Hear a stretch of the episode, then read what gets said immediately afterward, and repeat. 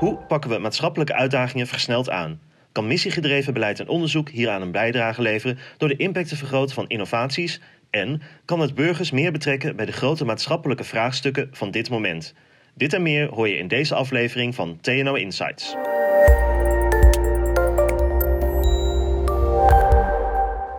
Hallo en welkom bij TNO Insights, de tweewekelijkse podcast over de maatschappelijke uitdagingen van dit moment. Mijn naam is Patrick Harms. Nederland en Europa staan op dit moment voor grote uitdagingen. Kunstmatige intelligentie, de energietransitie en de overgang naar een circulaire economie zijn hier voorbeelden van. In eerdere podcasts besteden we aan deze onderwerpen al aandacht. Benieuwd ook naar deze afleveringen? Zoek dan naar TNO Insights in jouw favoriete podcast-app, zoals Spotify, Apple Podcasts, iTunes, Soundcloud en podcastluisteren.nl. En als je automatisch de nieuwste aflevering wilt ontvangen, abonneer je dan. Vandaag kijken we dus naar missiegedreven beleid en onderzoek als oplossing voor de huidige maatschappelijke uitdagingen. En voor onze vaste luisteraars, dit doen we wat anders dan anders. Geen gasten in de studio, maar een compilatie van een paneldiscussie tijdens een recente bijeenkomst over dit onderwerp. Wetenschapsjournalist Desiree Hoving ondervroeg een panel over wat dat nou is, missiegedreven beleid en onderzoek. Je hoort duidelijk Arjan Goedheer van TNO en auteur van een recente publicatie over dit onderwerp, Koen de Paten van de Europese Commissie, Ronald Lens van Hard Hyperloop, Marleen Stikke van Waag en Fokko Vijselaar van het ministerie van Economische Zaken en Klimaat. Alvast veel luisterplezier. Welkom allemaal in Poolcree Studio bij het symposium Missies en missiegedreven beleid van TNO. Mijn naam is Desiree Hoving. Wat is dat nou eigenlijk, missiegedreven beleid? Arjen? Um, nieuw missiegedreven beleid. Um, ja, eigenlijk komt het op neer om heel gericht met uh, ambitieuze, um, uh, maar tegelijk ook realistische uh, missies. het zoeken en vinden van oplossingen voor maatschappelijke uitdagingen. Dus dat is echt het nieuwe, dat je dat gaat versnellen. Kijk. Dus door mensen te inspireren, te mobiliseren, met elkaar dingen waarvan we nu misschien denken, is niet mogelijk uh, toch mogelijk te maken en dat uh, te proberen. Ja, nou, toch een goede samenvatting lijkt mij. Ik ben zo nieuwsgierig. Als je Europese missies wil laten aansluiten bij wereldwijde missies, uh, ja, hoe, hoe, zie jij dat? Uh, of bestaat er zoiets als een, een wereldwijde missie? Ja, je hebt heel veel wereldwijde grote projecten, hè? Met, met CERN en met klimaat en met NCCP. Precies. Dat zijn een, het Europese programma staat ook nadrukkelijk open voor dat andere landen zich daarbij kunnen inkopen. Een land als Canada, eh, Australië, Korea. Het nieuwe programma Open to the World, dat is een van de slogans van onze commissaris. Dat is denk ik ook politiek niet omstreden.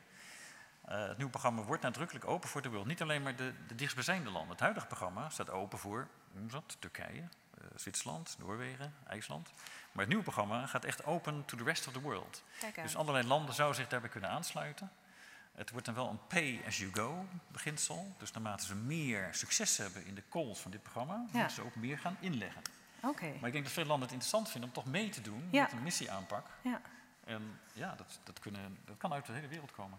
Ronald, heb jij nou een tip voor andere start-ups die ook missiegedreven willen zijn? Wat is nou jouw nummer één tip? Nou ja, kijk, um, dit bedrijf heeft vier oprichters die dit leven en, um, en echt uitdragen. Dus als je missiegedreven wilt zijn, en me, ik ben, uh, nou, mag mezelf uh, uh, van geluk prijzen dat ik met dat soort mensen kan werken. Jonge jongens, nog achter in de twintig, die zo'n visie hebben mm -hmm. Hoe je niet alleen de technologie ontwikkelt, maar ook hoe de markt werkt, hoe je moet samenwerken met aan de ene kant andere grote bedrijfsleven, een Tata Steel en een BAM, maar ook hoe je uh, samenwerkt met de ministeries. Dus ja, uh, blijf heel dicht bij je eigen uh, visie eigenlijk en waarden. Ja, en zorg dat je en samenwerkt. Ja. ja. Dankjewel uh, Marleen. Ik denk altijd bij de term publiek, ehm, ja, misschien ligt het aan mij, maar ik verwar het altijd met, met burger en met consument, met individu. Um, um, ja, wat doet, dit deed mij denken aan, kan ik als individu ook iets bijdragen aan zo'n missie? Heb ik daar als individu ja. ook invloed op? Nou, we, we, hebben in Nederland last dat daar is het wat lastig. We hebben eigenlijk het begrip burger is gedefinieerd als de relatie tot de staat. Okay. Dus ik vind, al, ik vind het echt een heel vervelend begrip. Want het, het, ik vind mezelf gereduceerd tot burger als van het land. Ja. In relatie tot de overheid, die dan iets definieert over mij. Okay. De markt, die definieert je als een consument of klant. Dat is ook niet prettig. Dat voelt ook niet heel prettig. Dus ik wil gezien worden als een actor. Ja. En daarom is het begrip citizen is het meest, dat, dat lijkt het meest, maar het is natuurlijk weer een leenwoord. Het is niet een Nederlands woord. Dus ik ben ook zelf heel erg op zoek naar een begrip wat, wat die actieve bijdrage van een individu aan waardecreatie staat. En het hele begrip commons, wat dan in de opkomst is, is wat wij collectief aan waarde kunnen genereren. Dat zie je heel erg in de open source beweging natuurlijk ook. Ja. En dat is wel een begrip waar je, wat dan in Nederlands meent heet. Maar dat is wel een beweging die volgens mij heel relevant kan zijn, omdat dat marktdenken op dit moment ons niet heel ver heeft gebracht, puur en alleen. Dus met name de extracte variant daarvan. Oké, vraagt missiegedreven beleid nou om een andere manier om maatschappelijk draagvlak te creëren? Fokko? Um, ja, uh, in die zin dat uh, als je een publieke waardedebat voert, of als je een, een, debat voert over waar moeten we ons op richten, dan mm -hmm. moet je breder oriënteren. Uh, wellicht. En dat is ook wat we aan het doen zijn. En als we het nou specifiek over klimaatdebat hebben, ja. daar hebben we natuurlijk vanuit het kabinet is ervoor gekozen om dat heel breed op te zetten, om allerlei partijen te betrekken. Overigens zie je daar gelijk ook weer de kritiek op komen, maar ik denk dat het voor draagvlak en voor definitie van waar staan we voor en wat vinden we belangrijk, enorm belangrijk is om met heel veel verschillende partijen in gesprek te zijn om ervoor te zorgen dat ook iedereen uiteindelijk het resultaat draagt en daar zich voor gaat inzetten. Ja. Uh, dus dat draagvlak creëren is, is daar eigenlijk bij heel belangrijk. Uh, okay. En daar loopt zeg maar de, het onderdeel klimaat en duurzaamheid enorm in voorop. Na wat jullie gehoord hebben vandaag, wat zien jullie nou als de kans voor missiegedreven beleid? De, de kans voor missiegedreven beleid is dat je de, de schwung en de publieke appeal en het gevoel in de samenleving van goh, we gaan ergens naartoe en daar kan innovatie bij helpen, dat je dat terugbrengt. Oké, okay. is, is, kan je daarmee oneens zijn?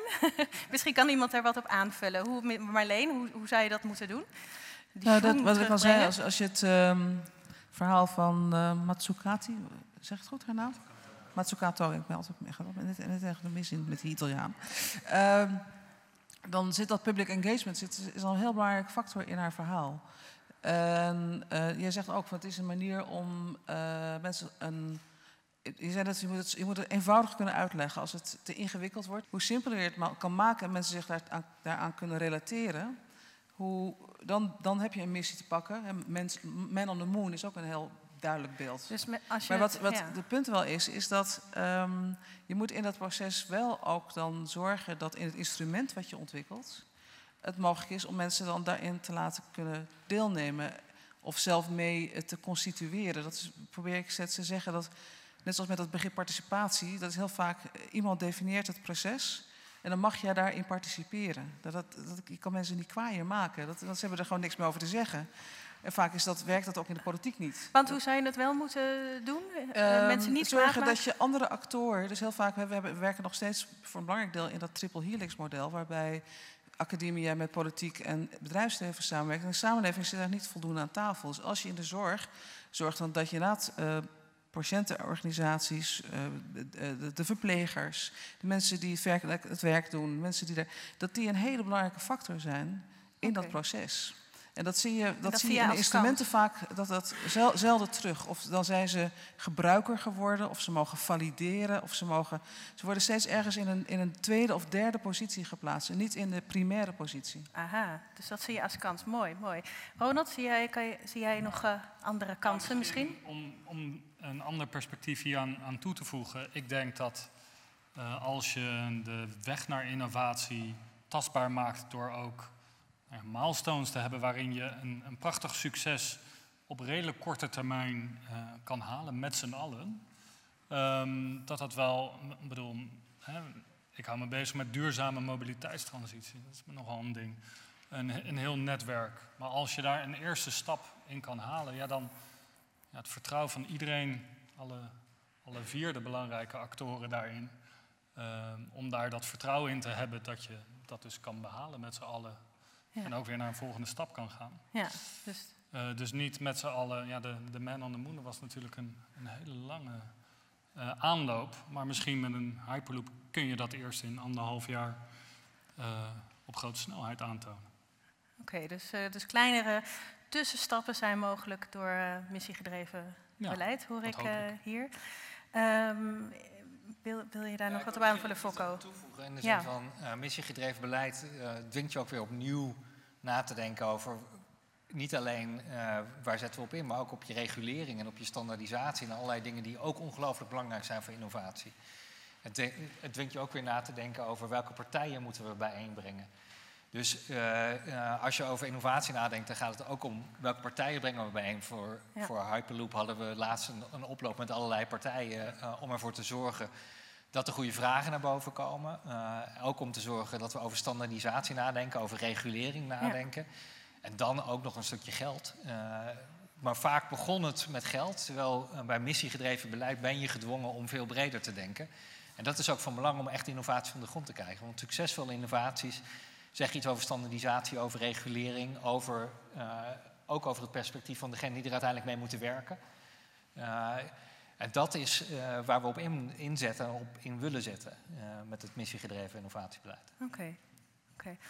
Arjen, heb jij nog iets nieuws uh, gehoord? Uh, of, uh, nee, ja. jawel, zeker wel. Wat, wat, wat, wat, vond je het meest opvallend? De grote vraag blijft nog van, oh ja, hoe gaan we dat dan doen? Of tenminste, dat het dan Oeh, even, ja. Zeg maar, nog even nadenken over wat Marleen zegt. Oh ja, het, het, zeg maar het belang van het aanhaken van de burger en de gebruiker, dat is me heel erg duidelijk. Dat is ook juist wat we als een kans hebben beschreven in in de staat van Nederland innovatieland. Alleen het is ook misschien wel het meest moeilijke um, hoe je dat dan gaat organiseren. Um, ja. Dat ik toch meteen zat te denken, of ja, toen we daar zelf over nadenken waren, dat we ook dachten van ja, oké, je zou dus een burgerplatform kunnen opzetten die dan na gaat denken over uh, nou, het definiëren van die waarden, zeg maar, welke richting wil je op met de missie. Um, en hoe ga je dat organiseren? Maar dat is ook meteen een heel tijdrovend proces. Uh, uh, wat ook nog eens heel kostbaar is. En je geeft ook ja, eh, tot op zekere hoogte gewoon ja, de, um, de, regie een beetje uit handen. Ja, ja. Um, Marleen, jij wil daar graag iets over zeggen? Het, het, is er allemaal al, dus je hoeft helemaal niks oh. op te zetten. Ja. Er zijn op ongelooflijk veel plekken waar men zich organiseert, waar men uh, dan wel nieuwe hè, coöperatieven rondom zorg, rondom uh, energietransitie. Als je kijkt naar aardgasvrije wijken, dan zijn de hele dorpen zijn het al gewoon gaan doen. Dus het gaat om heel veel eh, initiatieven die, die niet per se alleen het individu, maar ook groepen mensen die nieuwe structuren zoeken om nou, die, die grote doelstellingen ook te behalen. Heel praktisch, heel pragmatisch. Uh, ook altijd wel in ecosystemen met een lokale burgemeester of met een slim bedrijf. Dus het gaat, niet om een, het gaat altijd om ecosystemen. Niemand kan in zijn eentje deze vraagstukken die we voor de kiezer hebben oplossen. Hm. Maar die kracht, die, die ja, burgerkracht is ook niet wat ik wilde te zeggen. Laten we zeggen, die coöperatieve kracht. Dus het, idee over coöperatieve innovatie, waarin je andere actoren een plek geeft en mee laat definiëren wat de goede oplossingen zijn bijvoorbeeld bij aardgasvrij zou dat een hele goede... Ik ben, ik ben ook als uh, voorzitter van het OVL, overleg gegaan fysieke leefomgeving. Gaan we kijken wat voor een rol participatie speelt in de klassieke en in de moderne variant. Dus klassiek in overheid heeft een pad en jullie mogen, jullie worden geïnformeerd. Dan mogen, naar, ten opzichte van coöperatieve initiatieven van burgers zelf. Maar die initiatieven zijn er. Je moet, je moet even een andere bril opzetten en dan zie je ze. Je moet even en dan moet je een instrument iets aanpassen en dan uh, doen ze gewoon mee. Ja. ik, uh, ik, wil, ik, wil de zaal, ik wil de zaal ook eens, ook eens vragen: van, uh, hebben jullie antwoord op, op Arjen's vraag? Want Marleen kan het heel mooi zeggen, maar misschien hebben jullie ook wel ideeën over hoe dan. misschien zijn jullie zelfs al bezig met, met missies, of hebben jullie gewoon een, een idee om daarmee bezig te gaan? Um, jullie blijven een beetje stil. Dit is een beetje eng, mensen. zijn jullie goed aan... Jullie zijn aan het nadenken, hè? Ik wil even doorgaan op het gedachtegoed van Marleen. Uh, Marleen zegt eigenlijk dus al zelf organiserend vermogen om dit te doen in de samenleving. Ja. Maar zij appelleert even aan het instrumentarium. Dus hoe ja. zetten we het missiegedreven innovatiebeleid met een heel passend instrumentarium neer, ja. zodat het tot werking komt? Kan daar het panel op reageren? Mooie vraag, ja. Wat is er nog meer uh, aan instrumentarium beschikbaar? Um, is er op Europees niveau iets uh, beschikbaar? Ja, ja, op Europees niveau, um, reaching out to the citizens, dat is natuurlijk wel een extra challenge, omdat je dan over de hoofd van de lidstaten heen naar 500 miljoen citizens zou willen. Dus daar ontkom je niet aan het definiëren van een proces ja, waarbij de burger mee moet doen en mee moet dansen, zeg maar, in de regie die al vooraf verzonnen is. Ik ben bang dat er anders geen alternatief voor denkbaar is. Dus daar ontkom je niet aan een proces te definiëren als Europese Commissie, waar de lidstaten en in de lidstaten allerlei groeperingen aan mee kunnen doen. Als je het hebt over gezondheid, bijvoorbeeld die, die kinderkanker in 2030 uh, eh, beëindigen, dat dat helemaal geneesbaar is. Dat, dat vergt een proces met patiëntengroepen, met academici, met bedrijven. Maar daar moet je wel een proces voor definiëren. Het kan niet zo zijn dat je dat een beetje los laat opborrelen van onderaf... waarbij elke burger het gevoel krijgt van... goh, hier krijg ik nou optimaal de ruimte om mijn eigen ideeën in te brengen. Daar moet je een proces voor hebben. Ik, ik ben bang dat daar geen alternatief voor is. Ja, het grappige is, we, met Europa zitten natuurlijk met het vraagstuk van die lidstaten. En ondertussen hebben we de beweging van steden en regio's. Dus je ziet een heel groot innovatiepotentieel waarin steden um, zelf voor hun eigen grondgebied op een aantal van die domeinen gewoon actie gaan ondernemen. En dat doen met in, in federatieve verband of in coöperatief verband met andere steden en regio's. Dus ik denk dat je niet altijd lidstaten nodig hebt, sorry, om te kunnen innoveren en om dat, dat proces in gang te, te zetten van soort translokale uh, ecosystemen waarin je enorm veel stappen kunt zetten het, het, het mooie zou zijn als, als lidstaten dat wel degelijk ook erkennen. En dat dat niet als een soort conflict gezien wordt, maar als een, als een nieuwe kijk op hoe Europa. En met name ook hoe mensen zich kunnen identificeren met Europa. Als we, als we Europa. Maar ja. een hele andere vraag. Want als mensen dat alleen maar zien als die abstractie. van lidstaten die ergens met elkaar iets besluiten. We moeten terug naar een Europa waar we ons toe kunnen verhouden. En hoe dichterbij, hoe beter. Dus dat idee van steden, regio's die een mee, gezamenlijk een, een, een, Europese agenda dragen.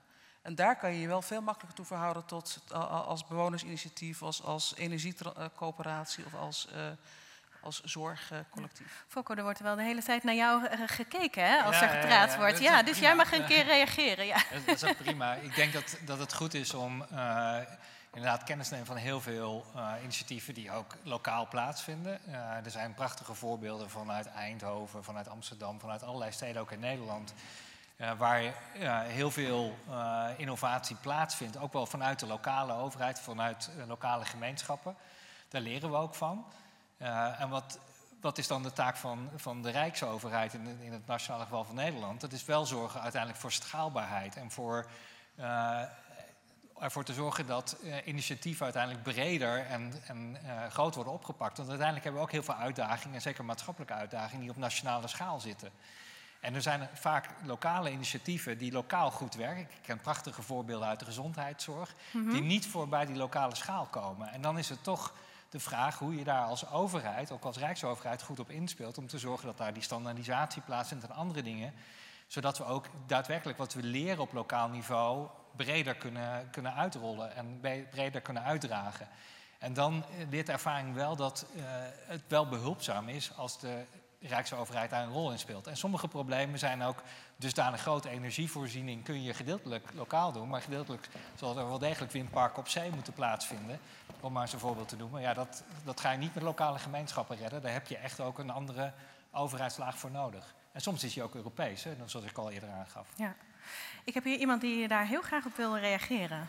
Ja, ik hoor uh, nog niet een man on the moon uh, staan, eerlijk gezegd. Ik hoor processen en instrumenten. Uh, ik zie eh, vanuit, en begrijp ik ook vanuit de Nederlandse positie en op het gebied van klimaatverandering ben je heel erg afhankelijk. energietransitie ben je afhankelijk. veiligheid ben je heel erg afhankelijk van, zeg maar, andere spelers. Dus dan zul je een volgend beleid moeten hebben. Maar één van de vier missies zou ik zeggen, god, daar zou toch Nederland in een man of the moon gedachte kunnen denken. Dat is alles wat te maken heeft met voedsel. En dus als je kijkt naar het, het ecosysteem in Nederland, dat is wereldbepalend. Ik zou daar graag een reactie van het panel op willen hebben. Zou het mogelijk zijn om op, op, op, die, op dat thema een uh, internationale voortrekkersrol te spelen? En hoe zou die eruit kunnen zien? Ja, ik zie Fokko knikken. Jij hebt een idee. Nou ja, Daar wordt hard aan gewerkt hè, vanuit de missie rondom de landbouw. De, er wordt ingezet op kringlooplandbouw, dus het sluiten van van allerlei systemen op een wat meer lokaal niveau, zodat je ook minder afhankelijk bent van verre transporten die nu plaatsvinden. Om te kijken naar klimaatneutrale landbouw en voedselproductie. En ik denk dat traditioneel gezien op landbouw en voedselgebied in Nederland een voortrekkersrol ligt met het ecosysteem rondom Wageningen. En daar proberen we nu die uitdaging ook vanuit de landbouwvisie aan, aan toe te voegen, zodat daar inderdaad uh, heldere doelen komen. En het meest heldere doel op mijn eigen terrein van EZK, maar dat is voorbij landbouw, is de, bij de klimaattransitie hebben we gewoon gezegd 49% reductie CO2 in 2030. En dat is zo'n voorbeeld van een man op the moon ja, achtige statement, uh, waar iedereen zich vervolgens ook in het hele proces op is gaan richten, op alle vlakken van, uh, van de tafels die we hebben gedefinieerd. Ja, ja of voedselzekerheid voor de hele wereld in 2050 is ook zo'n mooie missie.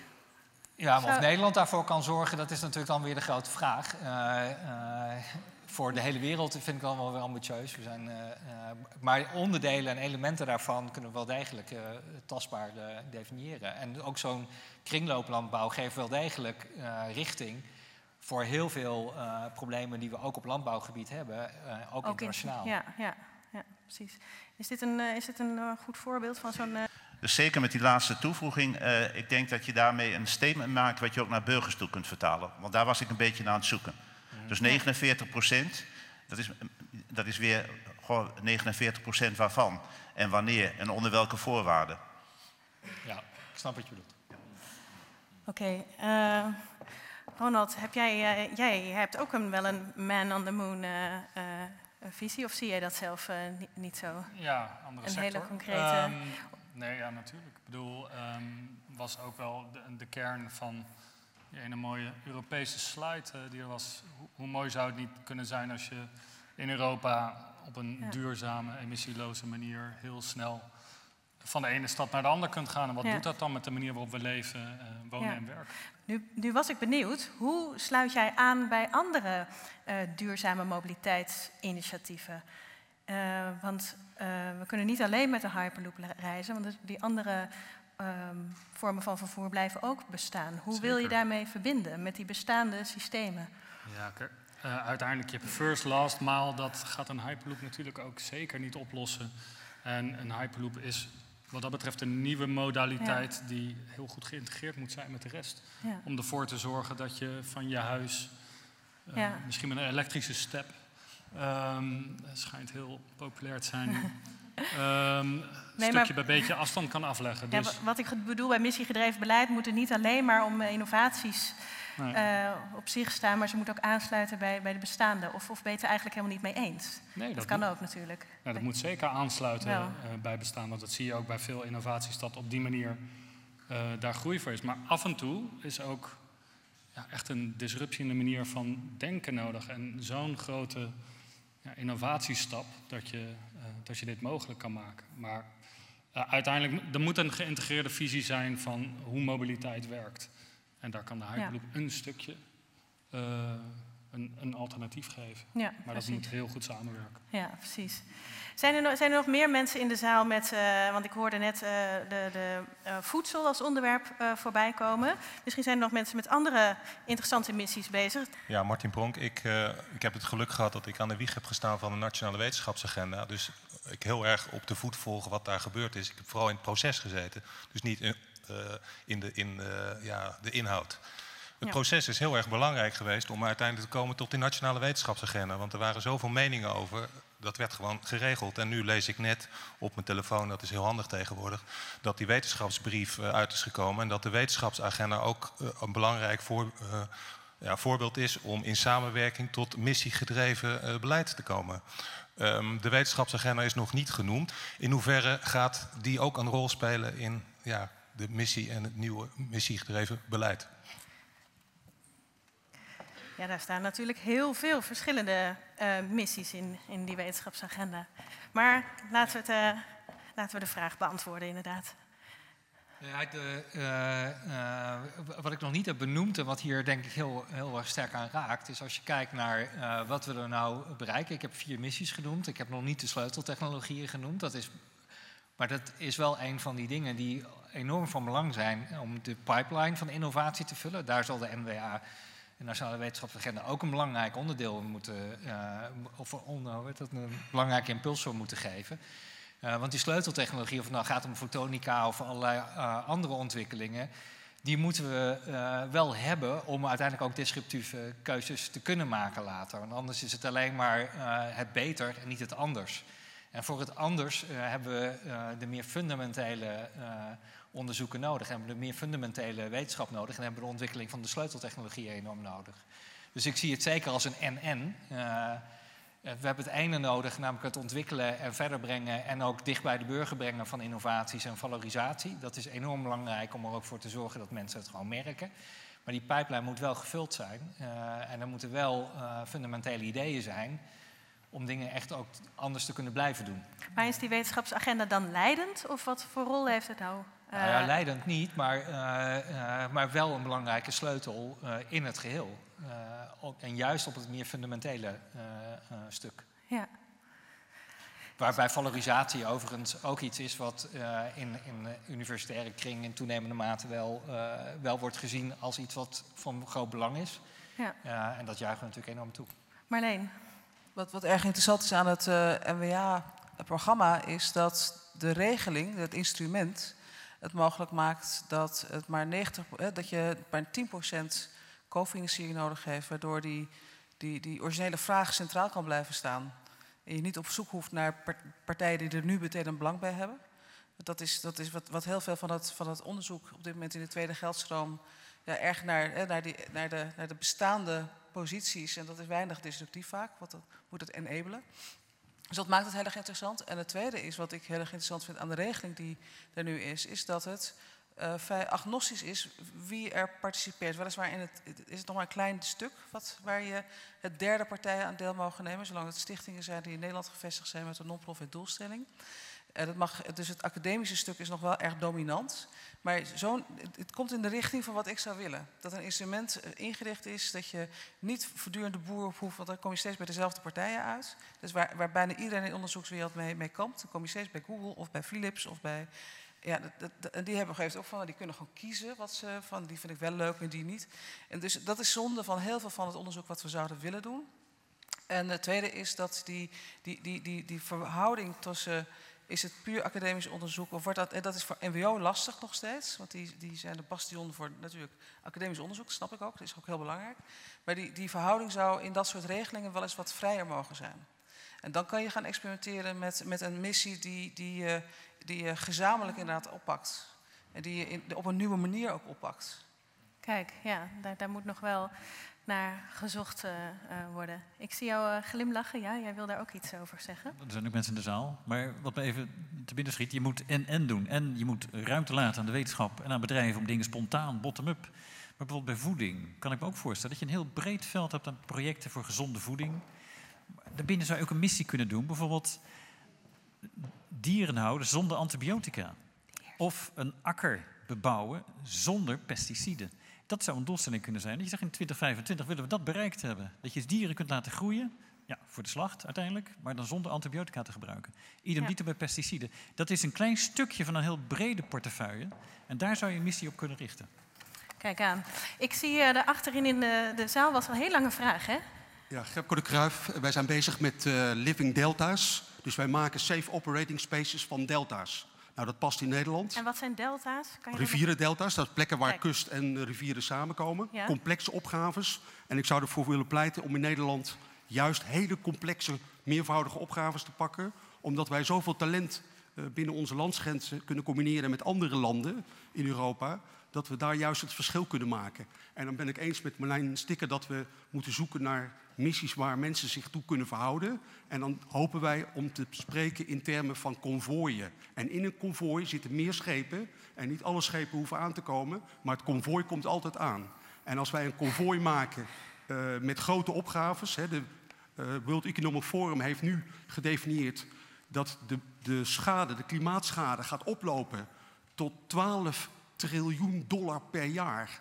Dan verbaast het mij een beetje dat ik hoor dat één missie maar 200 miljoen gaat krijgen. Want die 200 miljoen die zullen wij als, als start-up, als een scale-up al investeren in onze business. Dus dan moet Europa die moet er echt een paar nullen achter gaan zetten om impact te maken op de problemen die we met elkaar hebben. En dan zullen we met elkaar veel meer uh, het spel moeten gaan spelen tussen kapitaal, talent en de manier waarop we innoveren. En daar blink, blinken wij in uit. En dan zou ik zeggen, dan zou ik de pleit willen maken om een moedermissie te maken met Marlijn Stikker. Want die raakt de kern des poedels om te zeggen, wij moeten naar een ander paradigma toe.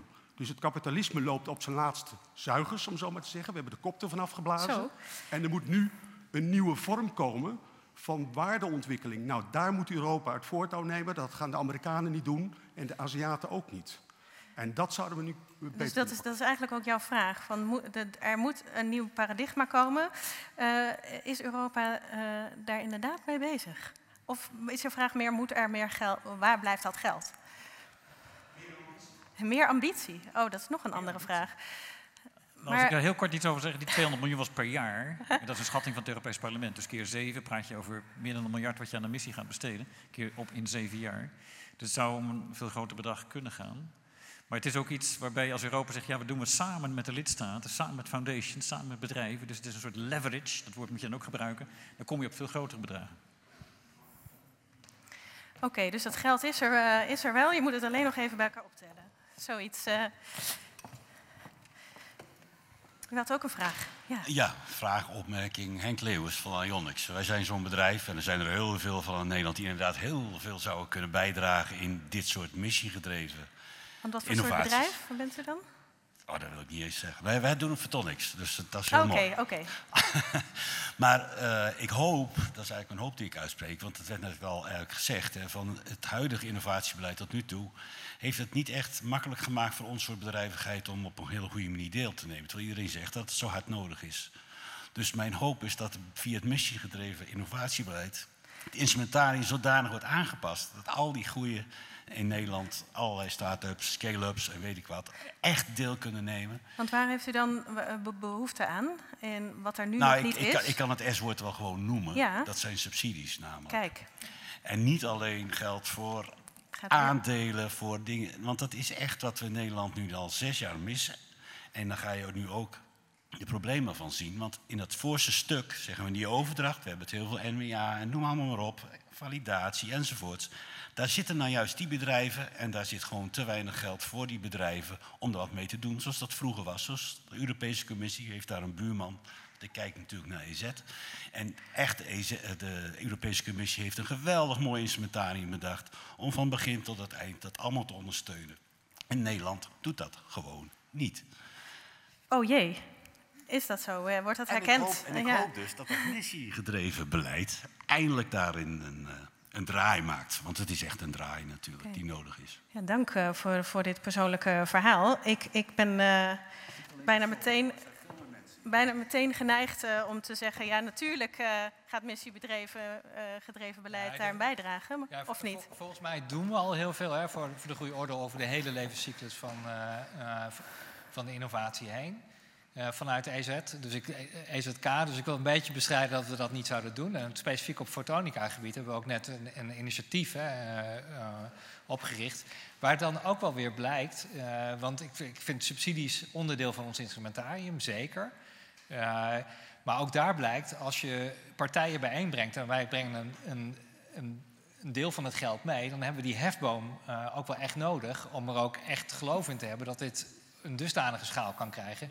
Want vanuit de overheid alleen kiezen, uh, dat is in Nederland voor een, uh, voor een heel belangrijk gedeelte ook wel deel van het collectieve geheugen, zeg maar. Maar als wij picking the winners doen, uh, dat lukt niet. We, we hebben wel ook het bewijs en gevoel nodig dat ook anderen hierin geloven. En dat is ja. vaak ook eigenlijk wel een beetje de volgorde. Dus als anderen hierin geloven, zijn ook, wij ook bereid om daaraan bij te dragen en dat te helpen ontwikkelen.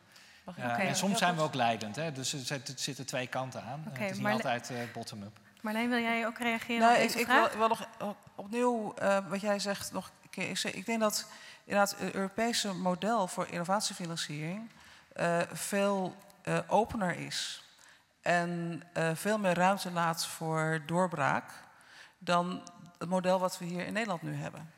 En dat is omdat het veel agnostischer is ten opzichte van wie nou precies dat onderzoek gaat doen. Dus dat, dat hele boksen van wat ben je eigenlijk. Je kan er als bedrijf deelnemen en toch 100% gefinancierd worden voor een heel laag tarief, dat wel. Okay. Uh, dus dat hele idee van we moeten eerst zien of de markt wel wil en dan gaan wij ook. Dat is een enorme uh, showstopper op dit moment voor zaken die werkelijk doorbraakgericht zijn. Dus ik zou, ik zou heel interessant vinden als dat Europese uh, researchmodel, dat wordt niet door de staat gedefinieerd, of door de, maar door een heel collectief van mensen. Er is een gigantisch systeem achter, waarin er van allerlei experts meekijken naar wat wel of niet gehonoreerd wordt. En dat is vrij, een vrij net proces, ja. vind ik eigenlijk. Zal ik uh, eens een pleidooi voor het Europese model. Ja.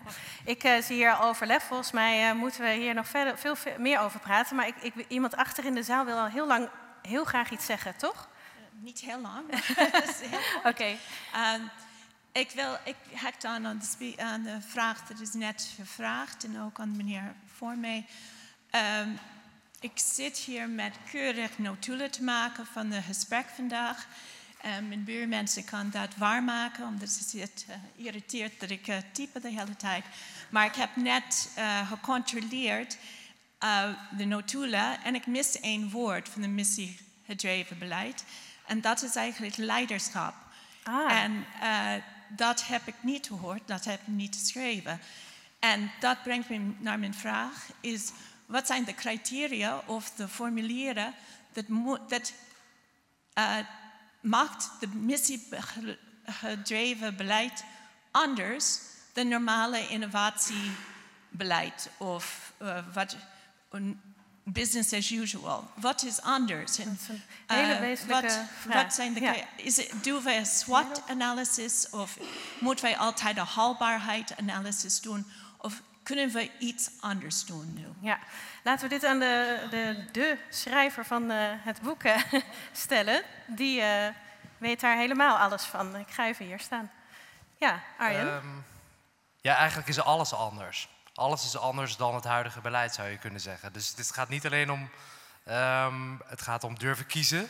Waar willen we die missies op hebben? Um, wat worden die doelen? Wanneer willen we die bereiken? Um, maar het gaat ook om, ja, als je dat dan doet, dan moet je het ook op een hele andere manier gaan organiseren. Dus je moet, nou, we hebben het gehad over welke stakeholders je aan boord moet hebben. We hebben het gehad over nou, de financiering, die moet ook anders. Misschien kun je wat Ronald vertelde over het succes van zo'n challenge. Moet je zo'n instrument gebruiken om echt, als je echt die doorbraak wil hebben, dan, nou, dan moet je dus mensen uh, zodanig weten te prikkelen dat ze gaan dromen. En met hele andere uh, partijen gaan praten en nadenken over van ja, als dat de oplossing is, hoe gaan we dat dan doen? Uh, dus dat heb je nodig. Dus je moet, ja, dus, en het vraagt ook om een andere ja, beleidscontext, zeg maar, of niet, ja, beleidscontext in de zin van een heel lang commitment. Dus als we zeggen, we willen in 2030 al het plastic uit zee, um, dan als we dat willen bereiken, dan zullen we ook bereid moeten zijn om dat dus 12 jaar lang uh, daarvoor te gaan. En daarvoor te strijden, zo te zeggen. En ieder jaar te gaan kijken van hoe ver staan wij, hoeveel plastic zit er nog in zee. En als we niet op schema zitten, wat gaan we extra doen om dat alsnog te realiseren? En dat vereist weer een andere vorm van leiderschap. Ja, ook, dus dan is het ook, dat vraagt ook om iemand die, er, die, er, uh, die op de bühne staat en um, ieder jaar zegt, ja, zo hangt de vlag erbij. Er moet een tandje bij, of uh, misschien ook oproept aan de zaal. Um, we hebben jullie hulp nodig. Uh, doe mee. Um, dat, ja, dat is ook gevraagd. Ja, ja. heel duidelijk. Alles moet anders. er is nog ruimte voor één iemand uit de zaal als ik op mijn uh, klokje kijk. Uh, dus, en dat ben ik? Ja, ja nou, nou, ik ga ook nog een slotvraag stellen hoor. Ja, gelukkig. Um, ja, het is vanmiddag een beetje een rollercoaster voor mij. Ik kwam hier binnen met de vraag van hoe dan, waar jij het net over had. En die werd extra getriggerd door een van de sheets van, van Koen over het aansluiten van missies, nationaal en Europees op elkaar. En daarvan heb ik al wat langer de vraag en hoe dan? En nu kwam aan het einde van de discussie ook nog het punt van Europees versus nationaal, wat ik een beetje een hele rare discussie vind. Want het is, um, maar die, die raakt wel aan mijn punt van, van hoe dan. Ik, mijn vraag is hoe je, uh, of het vraagstuk waar ik mee zit, mijn persoonlijke missie, hoe je de inspanningen op Europees, nationaal en lokaal niveau op het gebied van missies op elkaar aansluit. Ik weet niet zo goed hoe dat moet. Um, maar ik denk dat dat een beetje gaat verschillen per missie. Um, bij, één missie. bij de ene missie zou je een leiderschap kunnen voorstellen, iemand die de voortouw neemt. Misschien is fotonica wel een aardig voorbeeld, waar een gezamenlijke strategie is. Um, en dan kun je gaan kijken van hoe kunnen het verschillende instrumentarium daarvoor gaan benutten. Dat betekent dat je nationaal, Europees en uh, lokaal je beleid daarop moet aanpassen. Bij dus anderen heb je het misschien over het oh. konvooi. Nee, mijn punt is of het de uh, panel het ermee eens is dat je eigenlijk per missie een ander, uh, andere governance zou moeten hebben. Kijk, een duidelijke vraag. Ik zie Marleen knikken. En overigens, overigens gaat het verdomd goed met de missies, hè? Want ik, ik vond het een mooie, mooie vraag. Nog niet over, nee, ik vond het een mooie vraag. Hebben we voor elke missie een andere governance nodig? Dat is onze slotvraag uit de zaal. Ik, ik denk dat je daar inderdaad de spijker op de kop slaat. Ik denk dat in heel veel gevallen als je zegt uh, wind op zee... dat, dat, dat is een heel ander traject. Omdat, uh, en dat komt ook een hele andere... Alleen al de financiering daarvan, uh, dat model daarachter... is gewoon een vraagstuk in zichzelf. laat staan de technologie die je nodig hebt. wat willen de militairen? Wat willen de vissers? Ik dat, is, dat is gewoon de toekomst van de Noordzee is in zichzelf gewoon een, een van de grootste vraagstukken die we op dit moment hebben. Qua belangen en dergelijke. Dus dat is een heel complex vraagstuk waar je veel meer soort multi-stakeholder moet gaan opereren. Maar uh, transitie gezonder leven, of uh, iemand wat, ja, noemde het net levensstijl als medicatie of medicijn. Ja, dat, zal je, dat, moet je, dat heeft geen zin als iemand ergens met een stakeholder management groepje dat gaat doen. Dat is echt, iedereen moet vanuit een enorme hoeveelheid variaties moet je dat aan gaan snijden. Dus ja, ik kan me heel goed voorstellen dat je daar onderscheid in maakt. het grappige is dat Europa, um, we, een paar jaar geleden hadden we het nog over maatschappelijke uitdagingen, societal challenges. En dat gingen we gewoon in Nederland ook allemaal overpakken. En nu pakken we dus een missie gedreven, nemen we ook over. Dus er is een, al een soort van afstemming die gaat. En, en, daar neemt Europa dus toch kennelijk ook weer de lead in. En Nederland pakt dat gewoon volgens mij redelijk snel op. Maar ik denk dat dat, dat, dat, dat wij volgen wel daarin. dat komt niet komt niet uit een nationale strategie voort. Maar als we het goed doen, kunnen we denk ik die synergie heel goed uh, gebruiken. Kijk, hier komen we bij elkaar. Ik, uh, jullie, uh, als jullie op je klok hebben gekeken, dan weet je dat het nu eigenlijk tijd is voor een, een borrel. Dus ik wil heel graag als laatste vraag zelf stellen, en, en die stel ik aan Fokko. Van wat wil jij nu deze mensen die straks met elkaar gaan borrelen, nog meegeven? Waar... Um, ja, heb jij een soort oproep voor de mensen in de zaal als het om missiegedreven beleid gaat?